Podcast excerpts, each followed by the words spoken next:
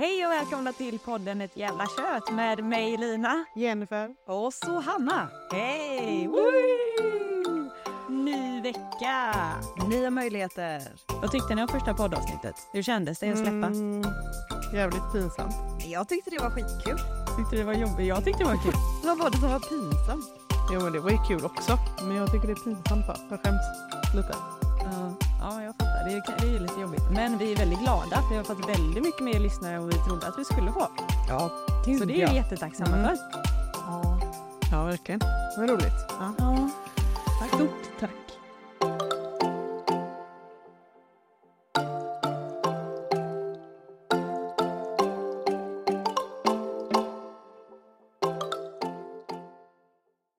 Så roligt. Tack så hemskt mycket hörni. Wow. Så nu är vi ju taggade som satan. Och så eh, som vi avslutade förra veckan så pratade vi om lite sömnparalyser. Vi bad er skicka in lite berättelser och jag har även gjort lite research, research om vad egentligen det är så att vi inte får det om bakfoten. I hjärnbalken så finns en mekanism som aktiveras och hindrar musklerna från att nå fram till till hjärnan och till musklerna. Det här är ju liksom varför vi inte, om vi är ute och springer i en dröm så springer ju inte vi liksom i sängen. Eller de flesta gör ju inte det. Det finns ju de som gör det, som jag antar att de måste ha problem med det här då, alltså kopplingen. Sådana som typ går i sömnen och sånt. Ja. Och det här uppstår då under REM-sömnen. Och det är väl i början, liksom när man precis somnar. Visst är det? Men REM-sömnen är väl, alltså REM, REM är väl det som är liksom den djupa sömnen. Det är där du är liksom helt avslappnad. Jo, men varför får man det? För man, det står också här att man kan få det här precis innan man somnar och precis när man ska vakna. Så det låter väldigt märkligt tycker jag. Eller det är så jag upplevt det i alla fall. Det kanske inte är Mm. någon annan som upplever det så. Ja men precis. Jo, jag också. Precis Ja. innan man somnar. Ja, och då blir det att hjärnan har inte hunnit vakna medan förlamningsmekanismen i hjärnan vaknar upp långsammare. Så förlamningstillståndet pågår trots att vi är vakna. Eh, Och det räcker med några tiotals sekunder till över en minut innan man får kontroll på musklerna. Men det här stämmer inte riktigt för jag har läst om folk som har haft sömnparalyser i 10 minuter. Oj. Det är länge. Alltså tänk då en minut när man ligger där. Det är så jäkla obehagligt. Va? Men hur kan man ta tiden på, en, på det när du är ju inte riktigt vaken? Då kan ju själva tiden också vara en paralys. Ja, det kan det ju vara. Men det ligger forskning bakom det. Ja, forskning. Eh, och då så gick jag lite, eh, sökte jag runt lite på folk som upplevt sömnparalyser och kom in på, eh, vad heter hon? Jonna Jinton, vet du vem hon är? Nej. Nej. Hon eh, har en Youtube-kanal och hon är så jäkla cool. Hon bor jättelångt upp i Sverige så Mm. det är, när det är vinter där så är det liksom varje vinter. Eh, jag vet inte om ni har sett den här videon. Hon så här, hur man tvättar kläder i Sverige och så går hon i snön med en korg typ och hänger kläder när det är snö och det är helt galet och tvättar kläder i så hon är helt galen. Hon är, hon är så jäkla rolig i alla fall. Och hon har haft många sömnparalyser. Och där berättade hon att, eh, att det började först när hon var redan åtta år att hon haft eh, sömnparalyser, såna här att man inte kan andas och, och så. Och eh, till slut så, så eh, flyttade hon till en övergiven skola, tror jag det var. Ja, det var en gammal skola hon flyttade in i. Och i den här skolan så började hon få sömnparalyser där det kom in en dam Okej. Mm. som var sådär riktigt obehaglig. Hon, hon typ kunde komma fram och lägga sig bredvid henne i sängen och viska henne i örat att fan vad äcklig du är och, Men fy. och eh, du passar dig för mig. Mm. Och var så elak och hon kunde liksom sätta sig på huk vid golvet och liksom stirra in så här jättenära. Och när man är, när man är paralyserad så kan man ju inte röra sig. Nej precis. Liksom. Du kan ju inte vända bort ansiktet. Nej. Så hon liksom brukade stirra in i henne då liksom och bara skrika. Skrika henne i ansiktet menar du? Ja, hon bara skrek i ansiktet. Helt galet. Och ja, Jag ryser alltså. Fan. Eh, och då så bestämde hon sig för att eh, flytta därifrån. Inte bara för den anledningen, men det var en, en av anledningarna. Mm. Och då slutade det. Sjukt. Då kom hon aldrig mer tillbaka. Men har du gjort någon research på om det är eh, att det har liksom med det andliga och, och så att göra? Ja, eh, alltså det finns ju inte så mycket sånt på nätet. Nej. För att jag vet inte varför det inte finns sånt. Det är säkert folk som har skrivit om det, men det är nog borttaget. Men jag har pratat med min eh, coach, Mm. Carola. Och hon har eh, hjälpt folk med eh, sömnparalyser som har haft det sådär riktigt... De, de har inte kunnat ta sig ur dem. Mm. Eh, och då frågade jag, tror du att det är spirituellt? Liksom? Och, och, så, hon och då sa hon bara så här, ja jag kan säga så här att det finns ingenting som är gott i det. Nej. Va? Och, ja, och då tänkte jag, okej, då får vi ju dyka ner ännu mer i det här. Så då googlade jag lite till. Och då kom jag till en annan kille som pratade om att, eh, att det är spirituellt och att det är, nu låter ju det här jättecringe, men att det är då demoner. Alltså de, tar, de, de utnyttjar dig för att de, de kan ju inte skada dig fysiskt. Eh, liksom. Nej. Men då, då utnyttjar de det. De liksom suger upp hela dig, för, för du blir ju rädd. Mm. Och utnyttjar det i den stunden. Mm. För att du kan inte göra något åt det. Så det finns också. Det alltså beror på vad man tror på. Vissa kanske bara vill tro på att det är eh, att hjärnan fuckar ur för att man har sovit för lite. Mm. Men jag tyckte det var spännande. I förra avsnittet så sa ju även jag, tipsade jag om den här filmen som, ehm, som jag såg på Netflix som jag ville att Tobias skulle se men som han vägrade se. Och jag har kollat lite och den heter ju The Nightmare. Eh, den finns inte på Netflix längre men man kan hyra den på Youtube om man är sugen på att se den. Och där är det också mycket inslag av just liksom att det är demoniskt och att det är eh, svarta katter och alltså mm, ja, det är massa sjuka scenarion som man kan eh, och där kan man ju också få en inblick. Men jag upplever att när jag tittade på den så triggades jag extremt mycket till som paralys. Nej men får du det Så- så, ofta? Nej, jag har bara fått det en gång. Men, eh, men alltså jag, när jag gick och la mig så låg jag och tänkte på sömnparalyser och då känner jag att då kanske det är lite lättare att att liksom hamna i det. Mm. Det är ju lite så här att det man matar, det växer. Så är det ju. Vare sig det är gott eller ont. Precis, så är det ju. Men eh, Ja. jag har ju haft många sömnparalyser. Jag har ju aldrig haft det. Nej. Jag har aldrig haft en sömnparadis. Nej. Det är ju konstigt. Alla har ju typ haft det. Alla.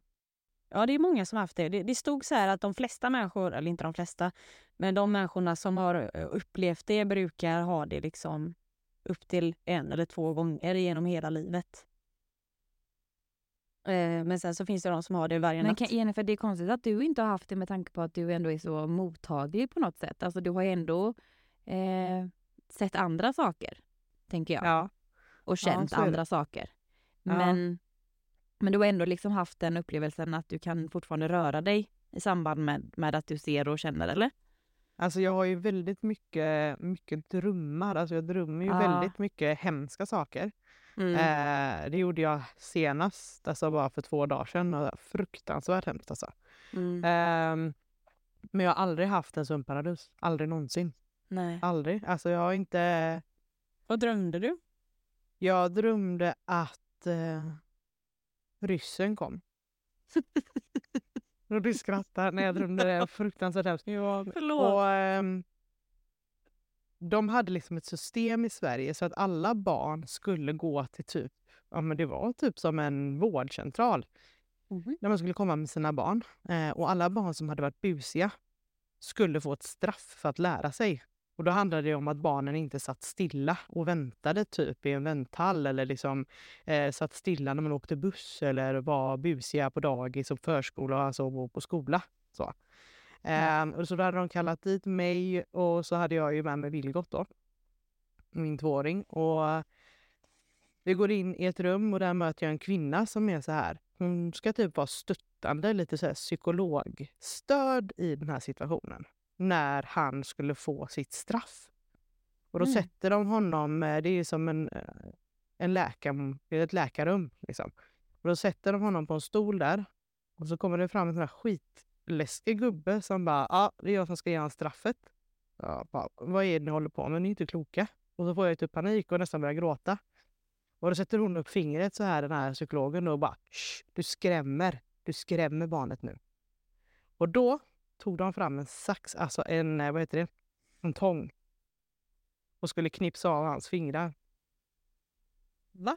Ja, Alltså jag drömmer fy jätteofta sådana här saker. Och det är den paniken jag vaknar upp i. Jag bara sätter mig och bara... Jag vet inte om det är sant eller inte. Liksom. Vi kollar efter Vilgot och liksom... Ja, det var så fruktansvärt.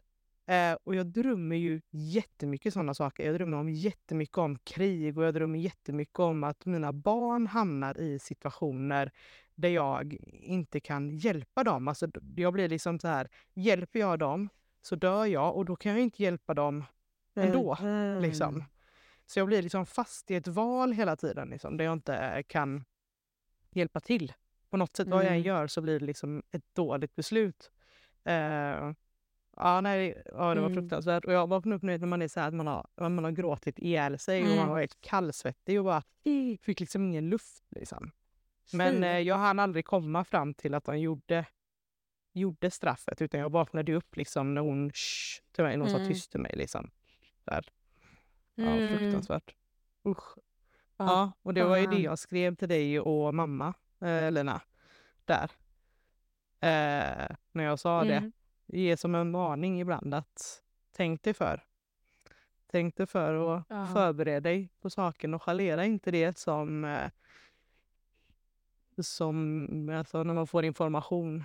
Eh, Mm. och sådär. Ignorera inte de tankarna du har. För många gånger, jag är ju sån här, jag samlar ju liksom och jag har förberett väskor och jag har eh, varsin rygga till barnen liksom om det skulle hända någonting. Alltså jag, har, jag har jättemycket grejer här hemma som jag har lagt ner i väskor. Eh, jag har sovsäckar och allting så vi skulle kunna klara oss liksom. Eh, men jag har varit lite nonchalant och inte gått igenom de här väskorna på ett tag som jag borde göra. Och det var precis som att skärp dig nu liksom. Mhm. Ja, men jag Det är, ligger jag är, över dig. Det blir lite tvångstankar och sen så är du ju så jävla rädd för... Alltså vem fan är inte rädd för krig?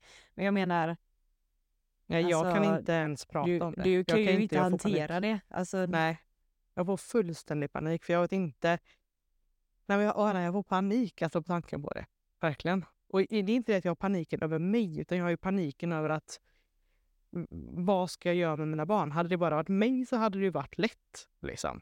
Eller om det bara var jag och Mm. Joel. Liksom. Vi är vuxna och kan ta hand om oss själva. Men mina barn, jag måste ju finnas där för barnen. Det lättaste hade ju bara varit att göra slut på allting, tänker jag många gånger. Men, men det vill man ju inte heller göra. Tänk om det bara är... Ja, men liksom, hur långt ska det här gå och hur länge ska det hålla på? Liksom. Jag får ju panik. Du menar kriget? mm. Ja, alltså jag känner att jag vill veta vad som ska hända. Jag kan inte bara sitta här och vänta. Liksom. Nej. Men känner inte du att det är lite alltså, jobbigt i fråga? Alltså jag tänker så här, det måste ju vara jobbigt att känna att du... Alltså för att jag tänker på mig själv för att jag är ju i min lilla bubbla och älskar att vara där och oroar mig inte över någonting. Jag kollar aldrig på nyheterna. Jag läser inte nyheterna på internet utan får jag reda på informationen så är det för att jag ska ha den informationen som jag får reda Mm. på. Och det får jag ju av till exempel Jennifer, Ja. jag får det av Tobias, jag får det liksom av alla nära och kära runt omkring. För att de känner att jag behöver ha den informationen eller av att de vill liksom eh, ja, har du hört om det här? Nej, det har jag inte gjort. Nej, och då berättar de. Eh, så att information får du oavsett. Och jag tänker att det måste vara jobbigt att vara så på hela tiden. Alltså påslagen som du är hela tiden liksom med det, det mentala. Eh, och, Ja, men det är det, för det är stressande. Jag kan ju aldrig... Det känns ju som att Precis. jag hela tiden har moment jag måste göra. Jag kan säga en dag när om jag tar det lugnt och bara, då borde jag göra det här, nu borde jag göra det här, nu borde jag göra det här för att vara förberedd. Och det är ju någonting, det är precis som Mm. du säger, jag känner mig alltid på, alltså att jag är på. Jag måste vara på, jag måste vara Mm. beredd på om det händer någonting. Tänker alltid när jag Mm. svänger upp på parkeringen, om jag inte har mycket bensin i bilen, skit också, nu har jag ingen bensin i min bil. Så Oj. det är ju, ja men så är det. Mm. Och det, är- det är jättestressande att jag är sån. Men jag har ju väldigt, jag har ju väldigt svårt att hantera min oro. Alltså alltid Mm. har jag ju det. Mm. Liksom. Mm. Eh, Men, så, men sån är Filip med. Mm, Så, som du säger, Ja. han har också sådana saker liksom att eh, han, han vill inte köra hem bilen om det inte är tankat. För händer det någonting då ska vi kunna ta Mm. oss härifrån. mm, Och sen så det kan ju handla om att Meja blir dålig och vi behöver åka Ja. till sjukhuset. Liksom, men sådana saker mest. Men ja, Mm. nej, så det, men det är väldigt, och det är ju stressande. Man blir ju slut, man blir lite trött i hjärnan liksom. Samtidigt som Ja. man ska ha koll på allt annat. Jag har ändå liksom mycket med mina barn i och med att de, eller, eller framförallt mitt ena barn som är, har sin sjukdom. Så det är mycket kring henne också man ska ha koll och tänka på alltid så här. Händer någonting? Ja men mediciner, hur mycket mediciner har jag hemma? Eh, ja men ni vet ju hur mycket, alltså Mm. Alltså hur mycket jag har köpt hem för att jag ska vara förberedd på att ha det om någonting skulle Så hända. här är det. Liksom. Jennifer, Je- Jennifer har gjort en, eh, satt en dag med mig och sa nu får du ta fram din data om det skulle hända någonting Lina. Så fatt, fick jag sitta Mm. och skriva ner alla hennes mediciner och vilka dagar och varannan vecka och när, hur mycket Mm. hon ska ta av det och när det blir så här så ska hon ha detta. Mm. Så jag har all, alla de dokumenten ligger på min dator. Så att, eh, och det var ju under Så- pandemin då. Om vi Ja, skulle bli väldigt sjuka eller om Ja. jag skulle bli väldigt sjuk. Eh, alltså Joel, eh, Mm. bär, alltså det är jag som har koll på henne. Han har ju också koll på medicinerna men inte så som jag har. Alltså det är jag som ger henne sprutan och hon litar ju i stort sett bara på mig med sprutan. Och har ju alltid gjort det egentligen. Eh, det har ju varit liksom när men till exempel när mamma har passat barnen så har det ju varit att nej, men då, då, det är svårt att få henne till att ta sprutan då. Även om mamma själv har liksom samma eh, sjukdom så blir det ändå att, att hon inte litar för att det är jag som ska göra allting. Och är, jag har koll på dag, jag har koll på allt. Och finns inte det ne- nedskrivet någonstans och jag hade blivit sjuk eller inte funnits till, då blir det jätteproblem. Och då blir hon jättesjuk och det vill man ju inte heller. Nej, så är det ju. För ni som lyssnar så, så har ju eh, Jenfers dotter reumatism. Ja. Bara reumatism. JIA. Juvenal, juvenil idiopatisk artrit heter det. Hon mår bra nu och det går åt det bättre hållet. Men, men det är ändå en... Nej, men jag är verkligen en mamma-oro. Har jag. Alltid. Hela tiden. Alltid. Ja. ja, mycket mardrömmar hos dig då. Mm. Bara. Inte så mycket sömnparalyser då. Men Lina, du har ju haft mycket sömnparalys. Sa du i förra avsnittet. Ja, det har jag. Jag har haft jättemycket. Eh, det började när jag var tonåring. Eh, Och jag har ju alltid haft svårt att sova. Så då har det blivit att jag varit vaken mycket på nätterna och så har man behövt gå upp till skolan de dagarna jag bestämde mig för att göra det. Så blev det ju inte så mycket sömn. Eh, och, då började, och sen så hade jag det tufft liksom, psykiskt eh, då också. Jag, det, var, det var mycket som var jobbigt. Och då blir man ju trött. Och det är väl den största anledningen till varför jag tror att jag började få dem. Men då var det ju den här gubben som vi, som både jag, Jennifer och Viktor då har, haft med oss. Att ha- han var med. Men det värsta var nog när jag var, precis hade fått Meja. Eh, och det är liksom första barnet och man ska komma in i det här och vakna varannan, var tredje timme på natten. Och inte få sova för att man är liksom fortfarande så igång så man sover inte på dagen heller. Nej. Eh, så då hade jag nätter, jag vet speciellt en natt. Så kunde jag inte, jag la mig ner och så skulle jag sova och så fort jag liksom började somna in så, fick jag, så började jag känna att den kom och då, fick jag, då får jag ju ställa mig upp och liksom bli pigg igen för att liksom skaka av med det. Och så skulle jag somna igen och då, fick, då var det samma sak och samma sak. Och jag höll på hela natten. Till slut så bara bröt jag ihop. Alltså jag bara grät och så jag väckte Filip. Alltså, nu får jag hålla om mig. Du håll om mig för att han kommer att ta mig. Mm. Liksom. Så fort jag skulle somna. Och det var skitjobbigt. Men efter det, efter jag hade det så mycket så lärde jag mig hur känslan kändes precis innan man tappar kontrollen. Mm. Så, så jag har ju nu liksom verktyg som hjälper mig om jag inte är för sent, om det inte är för sent. Ehm, och då brukar jag alltid, jag, jag liksom ligger med händerna på kudden och när jag börjar känna den här pirret, det är som ett pirr i, i kroppen. Ni vet när man vaknar och är så bakfull så att kroppen bultar och det bara vibrerar i händer och fötter och allt. Eh, det är typ samma känsla, den vibrationen. Eh, och då kan jag lyfta på lillfingret för att känna att är jag fast? Mm. Så nej, det är jag inte. Jag är inte fast. Okej, lugnt liksom. Då får jag komma upp och skaka av med det och, och sen liksom går det bra att somna. Men ibland är det ju för sent. Mm. Och då vet man bara, fuck, nu, nu kommer han. Mm. Fan också liksom. Fan också. Det är ju, nej Men är det alltid han som är med? Ja, alltid han. Alltså det är helt Alltid. sjukt. Det är helt sjukt alltså. Vi måste ju, vi måste ju kolla med ett medium, alltså Ja. mer, alltså ingående på vem den här mannen är. Alltså med tanke på att alla ni i er familj eh, på din mammas sida har Det ju sett den sjukaste är här att mannen. första gången jag såg honom så var det i mitt barnrum. Mitt orangea barnrum. I, Eller Mm. det sa jag förra gången kanske också. Eh, berätta om det. Men eh, alltså jag var ju jätteliten. Jätte, jätte, alltså hur gammal var jag? Jag var... När bodde vi där? Jag var kanske sex, sju år liksom. Ja, det är ju tidigt. Ja, Mm, det är så sjukt. och har alltid varit med mig. Nu var det väldigt länge sedan och jag har alltid sagt det. Att det var länge sedan och precis när jag kände så här, nu var det jättelänge sedan. Då sa Lina, vet du vad jag ser? Jag bara va? Och mamma bara tittade på mig för jag har ju berättat för mamma om detta. För jag var rädd för det ända sedan jag var liten. Det var jätteläskigt. Och mamma bara tittade på mig och bara va? Och sen så tar det ytterligare lite till. Och då kommer ju våran lille, eller min lillebror, Linas storebror, och säger precis samma sak. Och det, det är bara ju så alla blir ju så här, bara, vad är det? Vad är det som händer? Det är så Mm. otäckt liksom. Ja. Men era mamma har också sett honom? Jag vet faktiskt inte, jag kommer inte ihåg. Jag tror inte det. Jag tror bara Men det jag är vi. tror inte... Så, mm, mamma har ju sett... Eh, vå- våra mamma bor i ett eh, äldre hus. Eh, på, också här eh, ganska nära mig. Eh, och där har det ju varit mycket aktivitet. Hon har ju sett liksom folk som har gått utanför och folk som har gått inne i huset och, och så. Och hon har ju sett någon man, men jag tror aldrig att hon har sagt att det är han. Nej. Utan hon har ju berättat om de här tjejerna som, eller gummorna var det väl, som skrattade henne rakt i ansiktet typ när hon vaknade en natt och, Ja. och massa sånt liksom. Men mamma har ju också haft sömnparalyser, vet jag. Jaha, det visste inte jag. Eh, Eller var det kanske var Viktor som hade det förresten? Kom på nu. Nej, mamma har också haft det. Jag är helt övertygad. Jag är helt övertygad mamma har sagt att hon också haft det. Mm. Ja, jag har aldrig haft det i alla fall. Aldrig någonsin. Jag har aldrig, kan, har väldigt svårt att förstå den känslan liksom.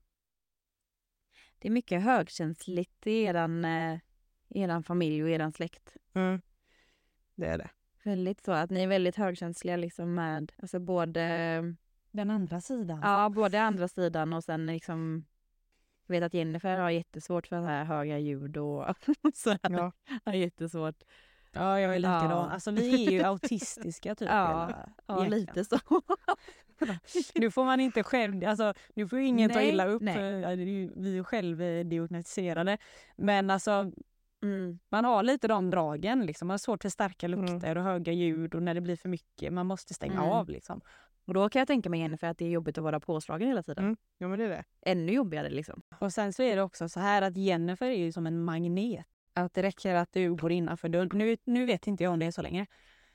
Men det räckte att du gick innanför dörren så hade du med dig en Ja. armé. Liksom. Och dumpade dem hos mamma och sen Ja, åkte du hem igen. Men Vad menar du med armén? Man bara tack så mycket. Nu eh, stjäla. Så fort Jennifer kom hem så hände det konstiga saker och man var livrädd. Man bara nej, nu kommer hon igen här och hålla på Men och och det kan jag sig. vara jätterädd för. Det, det här har jag ju sagt till Hanna. Men att om man skulle prata med ett medium och de säger så här till mig att nej, alltså du har inte med dig det där. Alltså du bär inte med dig den möjligheten till att se allt det här. Liksom, och vara med om allt det här som du har varit med eller det som, utan det är fantasier. Då blir jag ju typ jätterädd för att jag ska vara, ja men liksom ha något annat som är inte så Typ schizofren, alltså Ja. att du... Att, Psyk, Ja, att du är Det psykiskt har alltid sjuk. varit en rädsla Ja. hos mig och det är alltid därför jag alltid säger nej till medium egentligen. Jag har aldrig träffat en medium. Aldrig. För att jag är så rädd för att de ska säga det. mm. Det är... Ja, nej. Det hade varit så kul att ha med en, ett medium i podden bara för att alltså, se och höra vad, vad hon liksom känner och vad hon eh, har för tankar och, och sånt kring just liksom alla dina drömmar till exempel och dina sömnparalyser, Lina och lite så. Jag har inte så mycket runt omkring mig utan jag är ju som sagt i min bubbla och trivs ganska bra där. Jo men Hanna, det är så här, jag tror också att det är att du har säkert runt omkring dig. Men du kanske inte har öppnat upp det hos dig själv. För att alla är kapabla till att öppna upp sig, Ja, tror ja. jag. Precis. Jo men så är det. Ja. Jo men så är det. Men, men ja, som du säger att jag har ju liksom inte öppnat upp liksom utan jag har ju... Nej men det är det jag säger, jag trivs i min bubbla. Det gör jag. Ja. För att hade Ja. jag öppnat upp till alltså mer än vad jag är just nu så hade jag gått sönder. Alltså på riktigt. Mm. Jag jobbar dagligen med, som Jennifer sa och beskrev mig i förra avsnittet, min ångest. och liksom mitt, eh, mitt tankesätt och hur jag eh, ska tänka och hur jag andas. Att jag ska fokusera på min andning för att det blir liksom som en, ett ankare i här och nu. Alltså här och nu är här och nu. Sen så om jag kan tänka, jag kan tänka katastroftankar liksom om eh, framtiden och jag kan tänka katastroftankar om vad som har varit och det är liksom det som gör och det, alltså det gör och triggar min ångest till det värre. Det, ja, det hade varit väldigt roligt om, om de som lyssnar kunde typ skriva in sömnparalyser som vi kunde ta upp mm. Mm, och prata mm. om och berätta om. Alltså det, det läskigaste, typ att vi vill ge ut det vi tycker är läskigast. Eh, var den värsta sömnparalysen eller någon riktigt så här, jätteläskig dröm. Liksom. Det hade ju varit ganska mm. kul. Jag hade faktiskt en tjej som skrev in till podden om sanddrömmar. Har ni drömt sanddrömmar någon gång? Eh, alltså, det är ofta så här att jag tänker så här, det här har jag drömt. Och då säger ju alla att det är en déjà vu. Och det handlar ju om att hjärnan uppfattar samma yeah. sak två gånger. Att hjärnan liksom inte hänger med mm. tror jag. Jag är inte hundra, men jag har läst det någon gång för mm. hundra år sedan. Eh, och, men ja, jag upplever att jag har drömt drömmar som sedan händer. Sen vet jag inte om det är så. Eller om det är min hjärna som spökar. Men jag har upplevt eh, det, ja. Jag är ju inte så... Alltså jag, refle jag reflekterar aldrig. Alltså jag reflekterar väldigt sällan. Utan jag har väldigt mycket... Alltså min hjärna har blivit helt eh, förstörd. Jag har tappat jättemycket sen jag gick in i väggen 2018. Alltså jag har tappat så sjukt mycket. Så att uh. jag har jättemycket som jag inte kommer ihåg överhuvudtaget. Jag kommer ihåg en jättetydlig sandrum jag hade. Sen har jag nog haft andra så, men inte som var så här tydlig. Och då vet jag att jag ligger eh, i mamma och pappas säng. Och jag vaknar och så säger jag Alex är död. Mm. Och Alex är, eh, var ett marsvin som vi hade. Eh, han stod i köket tror jag. Och jag springer ut för att hämta honom för att visa att jag vet att han är död. Liksom, han är död. Och då kommer jag in med ja. honom nej men gud. han var liksom helt för mig stenhård, bara platt. Mm. Och hade dött. Liksom. Och det var sådär, men hur visste du det? Nej jag visste det bara. Han är död. Han är, han är jättedöd liksom. dang, dang, dang. Nej, usch vad hemskt. ja, det var lite hemskt. Men då har jag en lyssnare till oss som, eh, som ville berätta om sin sandrum. Mm. Ja, få höra. Mm. Gud vad spännande. Det är en tjej som, eh, bor, eh, som bodde själv då med sin ettåring i en lägenhet. Och eh, hon eh, höll på att rensa i garderober och hon, flytt, hon minns att hon flyttar bland, brandsläckaren ifrån sovrummet till hallgarderoben. Tre dagar efter att hon hade städat så drömde hon på natten att det började brinna i lägenheten. Eh, och hon drömmer att hon springer ut i trapphuset med sitt barn för att ringa grannar och, och, och så. Och dagen efter så står hon i köket och städar kylen och väntade på en matleverans. Och hennes eh, lilla son då leker i köket bredvid henne. Så hon ställer en påse på spisen för hon håller på att rensa och slänga lite gammalt. Ehm, och eh, sen så plingar det till och hon får in varorna och när hon kommer in i köket igen så, så står det och brinner i köket. Så på en sekund så skickar hon iväg då sitt barn med, mot matbordet liksom. Och så hör hon en röst som bara säger brandsläckaren. Och det var så tydligt. Eh, så hon springer och hämtar brandsläckaren som hon några dagar, precis liksom tre dagar innan där så hade hon ställt det precis vid spisen. Eh, och, och släcker branden och hämtar sin son och springer ut i trapphuset och skriker på grannar och ringer som en galning och ingen är hemma. Och, och hon får tag till slut på sin pappa då som eh, bor lite närmre. Och de får dit och ringer 112. Och allt det här hände liksom inom loppet på tre minuter. Det är så sjukt. Oj. Ja, liksom tänk dig att hon förberedde. Alltså hon gjorde en dröm och sen så utan att ens tänka på att om jag ställer, det var inte så att hon ställde brandsläckaren där bara för att, ja men tänk om det börjar brinna just där. Nej. det var ju inte så, utan det var ju hennes undermedvetna. Mm. Det är så häftigt. Så jäkla häftigt. Och sen så, det ska ju tilläggas också att det var ju hennes lilla pojk som hade varit på spisen för det fanns inga barnspärrar Eh, så han hade varit där och vridit. Det har ju jag varit med om. Ja. Eh, att det, att eh, det började brinna. Vi hade precis, jag var tillsammans med barnens eh, eh, de två stora killarnas, Maximilian och Vincent, deras pappa Rickard. Mm. Och så hade Vincent, eller Vincent hade precis fötts och han är ju eh, tio år. Och han var, hade precis fötts och så hade, var vi hemma och jag satt i soffan och ammade och eh, Maxi, ja, han var ju runt och lekte och sådär och Rickard låg i sovrummet. Och så sitter jag i soffan och då sitter jag med ryggen mot köket, alltså det är ganska öppet. Eh, och sen så, så ser jag liksom i ögonvrån att det liksom flammar så här orange mot väggen. Man ser inte spisen men man ser att, liksom, ja, att det liksom speglar sig orange. Så jag skriker ju på Rickard bara det brinner! Och innan det så hade vi ätit McDonalds och ställt den här påsen på spisen. Och det, här, det ska tilläggas, det här är ett helt nytt eh, lägenhetshus. Och vi hade bott där kanske, vad hade vi bott? Ja, någon månad typ. Och så började det brinna och det var ju väldigt mycket som blev förstört. Så det var ju tur att det var ett helt nybyggt hus för att annars så samlas det ju fett i fläck, fläkten så det hade ju kunnat bli liksom gå upp till grannen och det hade kunnat bli kalabalik. Så jag eh, springer ner till grannen. Jag hade en tjejkompis som bodde lite längre ner. Jag springer ner till henne och så får Rickard eh, ringa brandkåren och, och städa där. Du flyr fältet så får han kämpa där uppe. Liksom. Som alltid. Ja, ja. Nej, jag springer, jag springer bara ut. Ja, ja det hade jag med gjort. Nej, jag har du- tagit mina barn du och löser sprungit det. för mitt liv. Ha det gött. Hej. Vi ses en annan gång. Vi hade ju ingen brandsläckare eller någonting. Alltså jag har aldrig ägt en brandsläckare någonsin i hela mitt liv. Det är ju när jag är tillsammans med Tobias som, eh, som det är bra eftersom han eldar allt. Sig Ja. själv och eh, buskar och eh, allt. Jag har också en som eldar allt. Alltså vi eldar sängar. Vi eldar, alltså vi eldar sånt som inte, alltså, som inte är lag. Men alltså...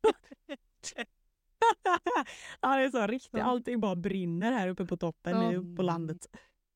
Ja, nej, fan det är läskigt alltså. Det kan gå så Mm. jävla Ja. fort. Jag är livrädd och vi eldar ju, vi eldar ju i våran spis. ehm, för den är så jäkla bra så vi behöver inte ha på elementen. Så vi eldar ju hela tiden.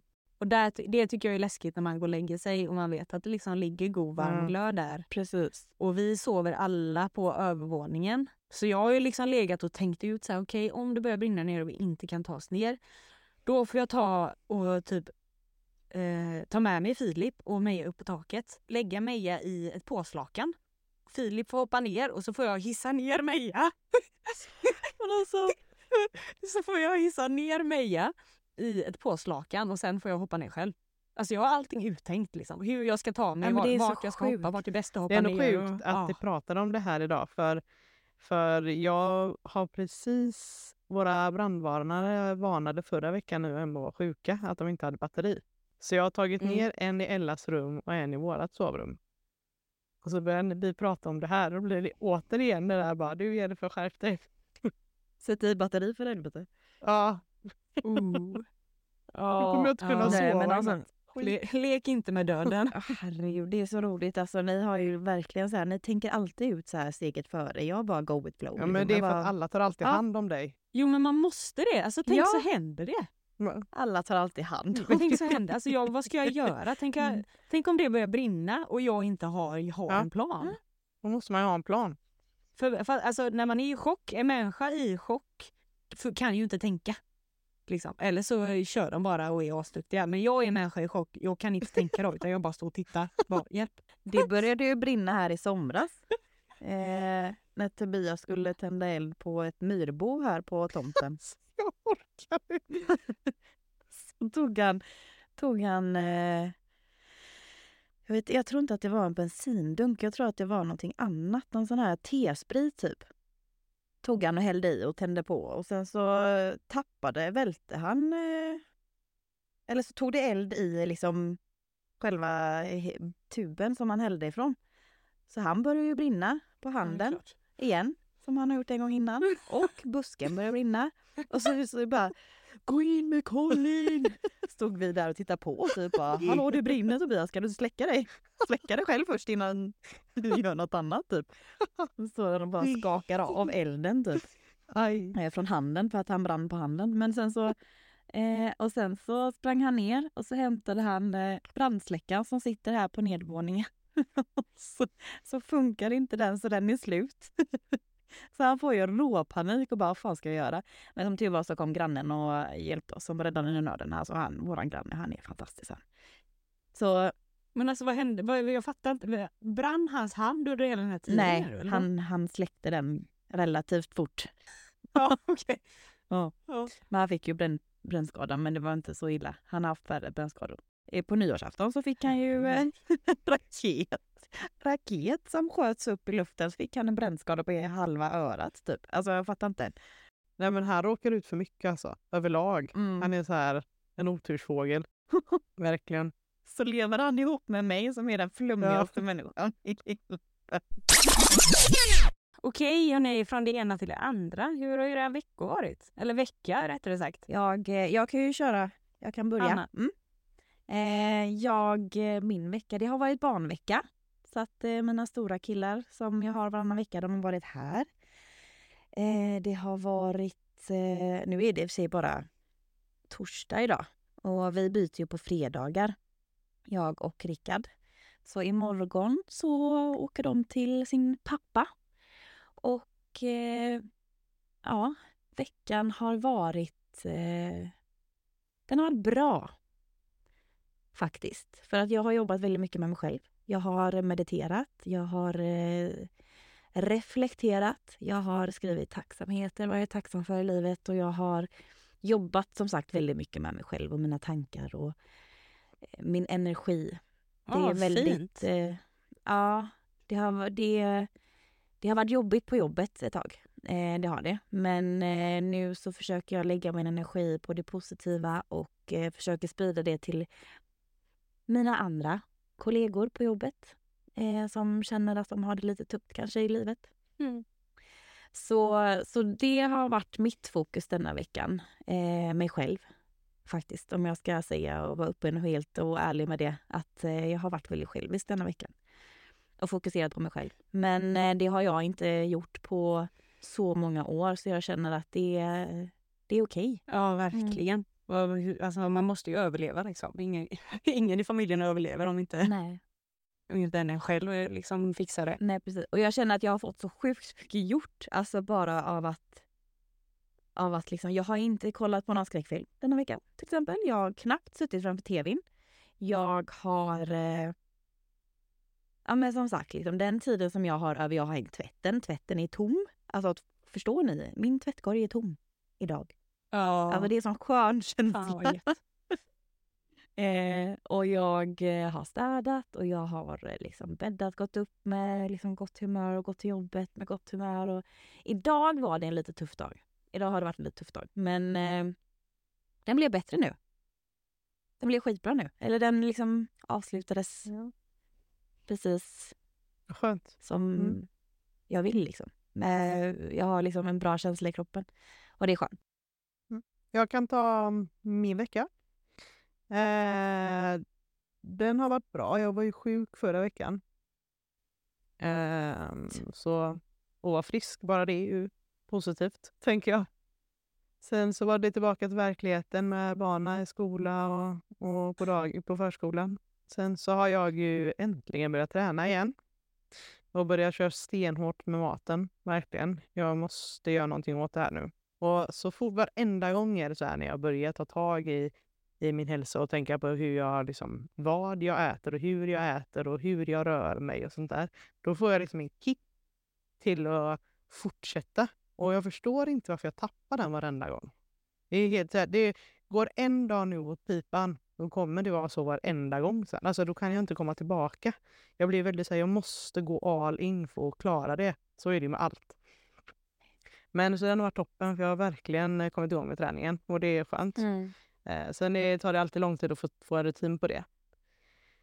Eh, sedan har jag varit mamma i vanlig ordning, tagit hand om mina barn.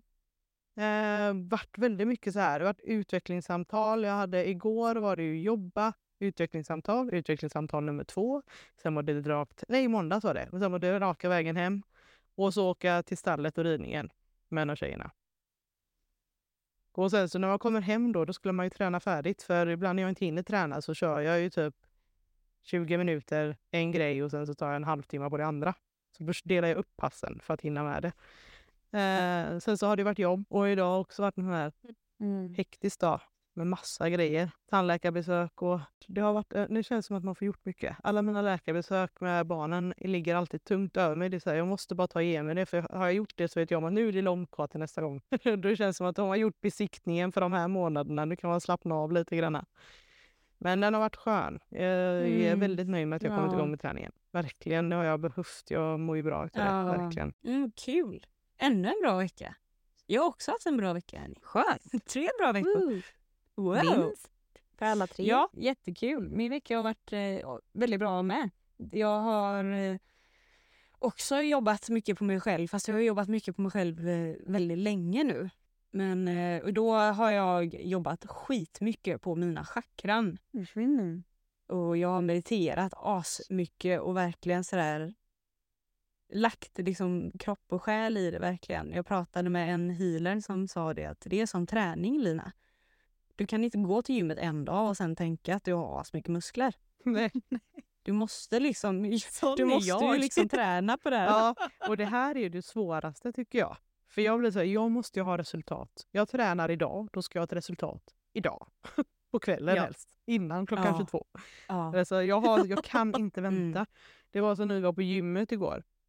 Jag, Ja. och vi gick på det här bandet så var det en som sprang bredvid mig. Så tänkte jag så här, fan så sprang jag förr. Och så bara, jag kanske ska prova det och så bara, nej jag kommer Mm. dö. Jag kommer inte kunna andas, jag kan inte andas bara jag går. Men jag har så himla svårt för att liksom bara vänta in att man är redo. Jag klarar inte Ja. av det. Ja, Det jag har ju fått resultat i alla fall. Inte på en dag, men på liksom de senaste månaderna. Eh, så har ju då min, eh, min mentor då, som, som hjälper mig med det här, hon kollade igenom mina chakran och sa att jag behöver jobba med mina nedre chakra mycket. Och då började jag jobba på de här eh, chakrarna då varje morgon och kväll. Oj. Gör jag det? Bra. Ja. Jag, ja. Jag är jäkligt stolt. Men det är också för att jag tycker det är kul. Ja. Jag hade ju aldrig gjort det annars. Jag hade ju inte orkat med på morgonen när Meja grejer och äter frukost och det är flygleksaker och det är typ Daniel Tiger på tv och, och allt det här. Men det är kul och det är därför man gör det liksom. Mm. Och så... Men hur jobbar du på det då? Jag vet inte om jag gör rätt, men tydligen så gör jag ju det för det har hänt någonting. Men på kvällen så jag har jobbat med mina nedre chakran nu, så jag har jobbat med rotchakrat och sakralchakrat och solarplexuschakrat och även jordchakrat. Eh, och då har jag hållit i de stenarna Som representerar chakrarna. Ja. Och då ligger jag oftast liksom på kvällen då, det är det ju bästa liksom. Det, det är då det är liksom min fine time. Så ligger jag med händerna öppna, liksom bara fokuserar på att andas och, och jag börjar liksom med jordchakrat och jordar mig och föreställer mig att, eh, att jag har rötter ända in i jordens kärna liksom. Jag ser hur mina rötter liksom kravlar igenom alla olika typer av jord och allting och bara sätter fast Ja. mig. Och då är jag jordad liksom. Och sen så går jag vidare till min andra chakran och då ska man ju öppna upp dem. Och då brukar jag föreställa mig att, eh, vi säger eh, rotchakrat då, det är rött. Och då brukar jag föreställa mig en, eh, en röd lotusblomma som liksom bara öppnar upp sig och det bara lyser så rött så att liksom man blir blind. Typ. Det lyser så starkt. Eh, och så gör jag det i hela kroppen. Så du jobbar med dem alltså samtidigt då? Hela, alltså hela kroppen samtidigt? Mm. Så du jobbar liksom inte med ett i taget? Okej. Nej, det har Mm. jag gjort varje kväll. Varje kväll har jag gjort det. Eh, men sen så kan man ju jobba med ett i taget. Det ska jag börja med nu. Eh, och jag ska börja med hjärtchakrat för det behöver jag verkligen. Eh, men jag fick i alla fall från henne, hon bara wow vad du är jordad liksom. Shit Oj. vad har du jobbat på det här? Vad är det som har hänt? Jag bara, men jag har gjort det varje kväll. Sådär. Och det var så jäkla skönt att höra. Hon sa det, alltså, du, du behöver inte vara rädd längre Lena. Du, du kommer inte flyga iväg, du behöver inte vara orolig. Mm. Du behöver inte vara rädd längre. Liksom. Du är så jordad och, och det är skitbra. Liksom. Fortsätt bara jobba. Liksom. Nu behöver du de här stenarna till de här chakrarna och bara kör på. Liksom. Jag bara wow! Men ligger du med Det var alla så stenar jäkla bekräftelse. Nej, jag, jag brukar välja ut eh, kanske två stenar eller en sten brukar jag vilja ha. Typ, vi säger att jag öppnar alla chakran men så kanske jag bara har eh, en röd sten eller Mm. min eh, sten som är för ett chakra då liksom Mm, och, och okej. fyller kroppen med dens energi då? Mm, okej. då. Mm. Varför sitter du och fnissar Nej, Jennifer? för att det är så roligt att vi är så jäkla olika. Vi är ändå syskon du och jag. Ja, jag vet. Alltså jag har absolut mycket saker för mig. Alltså. Jag har det. Eh, Men såna här saker är ju långt ifrån där jag är. Ja, ja, Men alltså alltså, jag Hanna älskar blir bara ju det här. wow, Ja, ja, ja. wow, Jag det måste ska jag göra, wow. Medan jag bara, mm, är Ja, det och forskat jag på vet det ju att det är så. Jag vet ju att det är så. Och därför har jag alltid varit lite tyst om det för Jennifer. För att hon blir så här, Mm. mhm. Nu vet du att det fungerar då. Ja. Men Ja. det är otroligt. Alltså, jag, jag hade nästan kunnat betala era liksom, för att göra en healing med en tjej. Som jag gjorde. Jag hade lätt kunnat betala bara för att ni skulle få känna hur det känns. Alltså för man jag känner det i Jag hela kroppen. Det är inget farligt. Jag hade tänkt prata med dig om det för att jag vill, jag känner att jag måste verkligen göra det. Eh, jag har ju gått på reiki, reiki-massage och fått massage och fått vissa liksom, punkter så här och bara liksom brutit ihop och tårarna har bara kommit men jag är inte ledsen. Men tårarna har ändå kommit. Eh, och Mm. därför Jennifer sitter och bara vad är det här för idioter? Men jag blev likadan. jag blev likadan, Hanna. Efter min healing så fick jag ett sånt skrattanfall. Alltså det var pinsamt. Alltså jag skrattade så att jag höll på att dö. Jag fick in luft. Jag sa det, ursäkta mig, alltså ursäkta mig, ursäkta mig. Hon bara, det är ingen fara, bara släpp ut det. Jag bara, okej. Alltså jag skrattade så jag höll på att dö. Alltså det, det är verkligen så här, jag, förstår- vad fan har du gjort med mig? Alltså jag hade kunnat gå ut, efter den dagen så hade jag kunnat gå ut, typ ställa mig på torget och typ köra karaoke. För det är typ det värsta jag vet, att sjunga framför folk. Det är, jag, jag sätter mig inte i en sån situation, det är fruktansvärt. Alltså jag hade lätt kunnat göra det den dagen. För att bara, men kom at me då liksom, Ja. vad fan. Nej, jag kan säga så här, är det någon som är jordad utav vi oss tre, då är det fan med jag som står med fötterna på jorden. För ni svävar högt. Det kan jag säga. Herre jävlar. Men Alltså jag hade lätt kunnat betala, jag, alltså jag kan, eh, jag, kors, ja, jag hade lätt kunnat betala en sån för det bara för att du ska få uppleva det. Men du måste, måste gå in öppensinnat. Men jag tänker så här. Eh, Mm. Kan vi inte kontakta henne och se om hon vill göra healing på oss? Och sen så gör vi en liten, ett avsnitt som handlar om just att vi har varit på den och våran upplevelse. Ja, Jennifer, man får inte säga nej. Det, vad, men Jennifer, är du rädd för någonting? Eller alltså, är det, tycker du det är läskigt eller känner du bara att det är trams? Jag har kontroll över mina grejer och jag vill inte släppa. För att jag vet om att då blir det värre. Men du kan ju lära dig hantera det. Alltså hon gör ingenting, hon bara får dig att må bättre. Mm. Det är inte så att hon... Du kan ju säga det till henne att du är rädd för det. Alltså, Jag, jag gillar att jag tror inte man ska leka med sånt. men alltså. det är inget Du är farligt. så rädd för så himla mycket, Jennifer. Ja, jag vet, det är helt sjukt. Ja. vill säga att jag är hysterisk överallt. Om vi gör det tillsammans, Jennifer. Då kan man göra det så här. Man kan göra det på distans. Jag gjorde det på distans. Jag såg till att ingen Mm. var hemma. Och hon gjorde det liksom, vi hade Facetime-samtal och jag la mig ner och hon kopplade ihop sig med mig och hon körde. Mm. Eller så åker man, jo, Det går det. Eller så åker man till Stockholm, hem till Ja, henne och träffar henne personligen. Gör det. Men alltså hon är sjuk alltså. Eh, för ni som undrar vem det är, vem det är vi pratar om. Eh, Elinor Jackson heter hon. Hon finns eh, på TikTok väldigt mycket. Och man kan boka också sig hos henne. Hon börjar snart också med klasser så man kan lära sig healing själv. Coolt, det hade jag velat göra. Ja, nej men jag tycker att eh, det här hade varit väldigt intressant att prata om. Alltså ångest eh, och liksom hälsa och allt som har... Alltså hälsa är ju...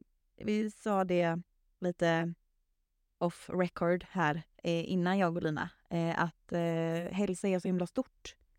Hälsa är ju liksom, innehåller ju inte bara träning och mat utan hälsa är ju även liksom eh, psykisk hälsa, eh, mental häls hälsa, eh, träning, alltså kroppslig hälsa och eh, mat och liksom energier. Det är så himla brett alltihopa. Någonting som jag alltid tycker att man ska ha med sig när man pratar om sånt här, det är att eh,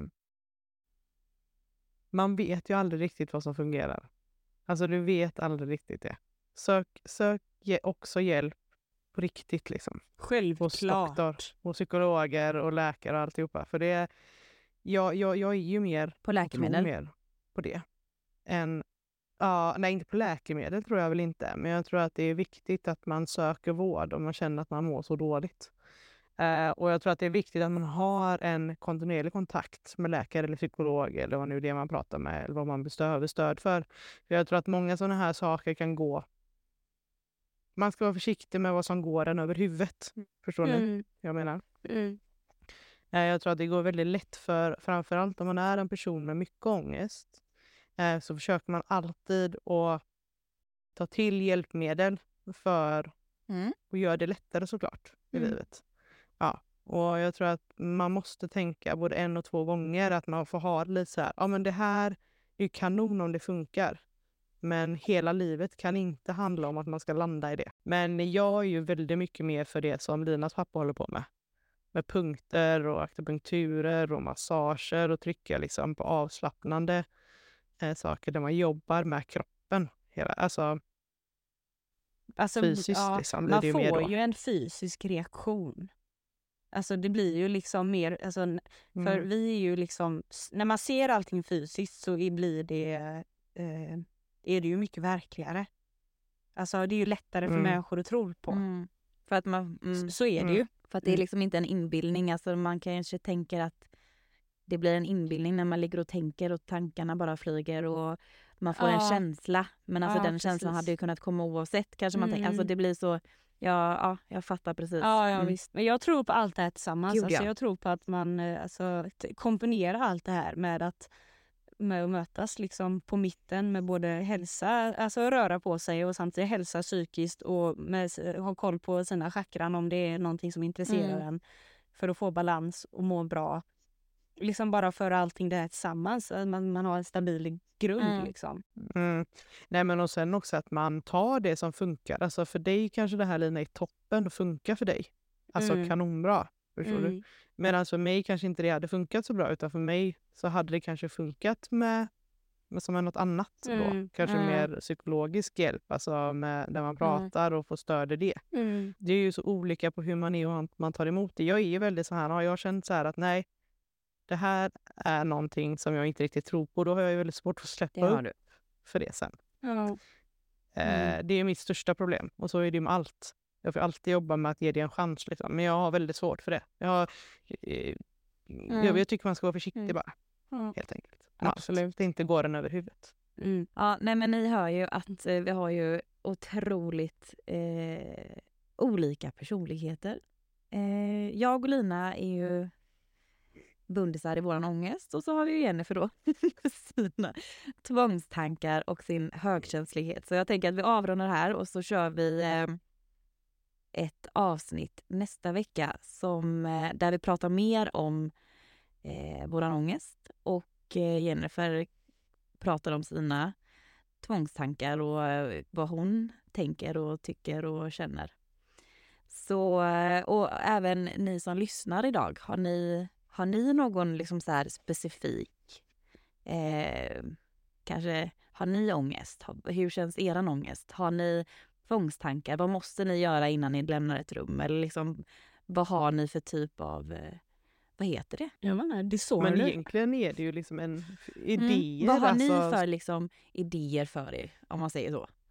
För att det hade ju varit otroligt intressant att veta om ni vill dela med er. Såklart så är ni ju anonyma. Ni, vi behöver absolut inte hänga ut någon, någon här utan vi är bara väldigt nyfikna och genuint intresserade av att höra vad ni, vad ni har för idéer för er.